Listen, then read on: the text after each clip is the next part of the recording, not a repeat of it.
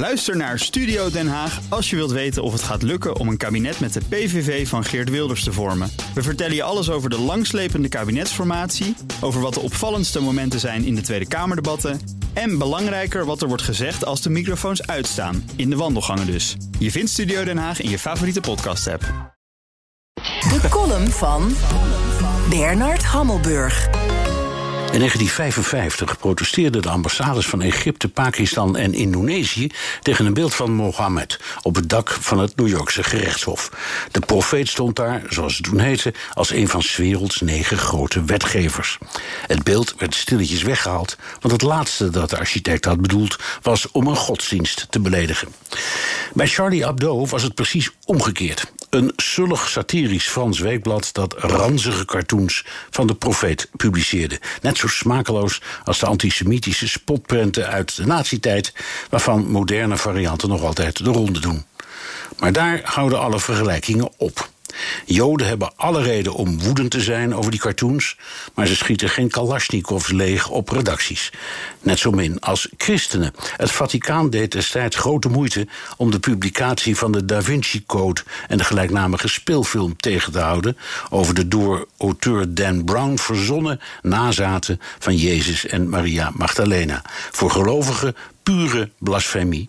Maar het Vaticaan stelde geen nieuwe inquisitie in om Brown, zijn uitgever, of de filmploeg op te blazen of te onthoofden. Het verachtelijke is de jihadistische methode. Achter de aanslag op Charlie Hebdo zaten mannetjes met baarden in Jemen, heel ver weg. Achter de onthoofding van Samuel Paty zat een lugubere Franse organisatie, het Collectief tegen Islamofobie, die een fatwa tegen de geschiedenisleraar uitsprak omdat hij in zijn lessen spotprenten had laten zien. Dat collectief heeft gewoon een website in het Frans en Engels. Daarop beklaagt het zich over een hetze. Maar de Franse politie is behoorlijk zeker van haar zaak en onderzoekt nog 50 andere islamitische organisaties. En ook hier weer het schrijnende gegeven dat de bedenkers van achter hun bureau een gestoorde volgeling recruteren of nog erger inspireren, in dit geval een 18-jarige Tsjetsjeen. Toen het New Yorkse gerechtshof in 1955 stilletjes dat beeld van Mohammed van het dak liet halen, had nog nooit iemand van jihadisme gehoord. Moslims waren mensen die de sabbat op vrijdag hielden en geen varkensvlees aten. En die in hun godsdienst geen beelden tolereerden. Nu kun je zeggen dat geldt net zo goed voor protestanten. En wij hebben ook een beeldenstorm gehad, maar dat was in 1566. President Macron wil verfransing van de Franse islam. Dat is precies het probleem.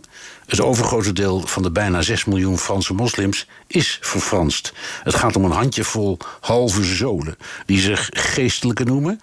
En de 20.000 fanatici die hun wil klakkeloos uitvoeren. Je krijgt een geest, hoe heette die ook alweer? Niet meer in de fles. Ook Liesbeth Staats vind je in de BNR-app. Ja, heel handig. Luister live naar Kees en mij tijdens de Daily Move. Dan blijf je ook gelijk op de hoogte van breaking news en het laatste zakelijke nieuws. En daar vind je ook alle BNR-podcasts, waaronder de Perestrooikast. Download nu de gratis BNR-app en blijf scherp.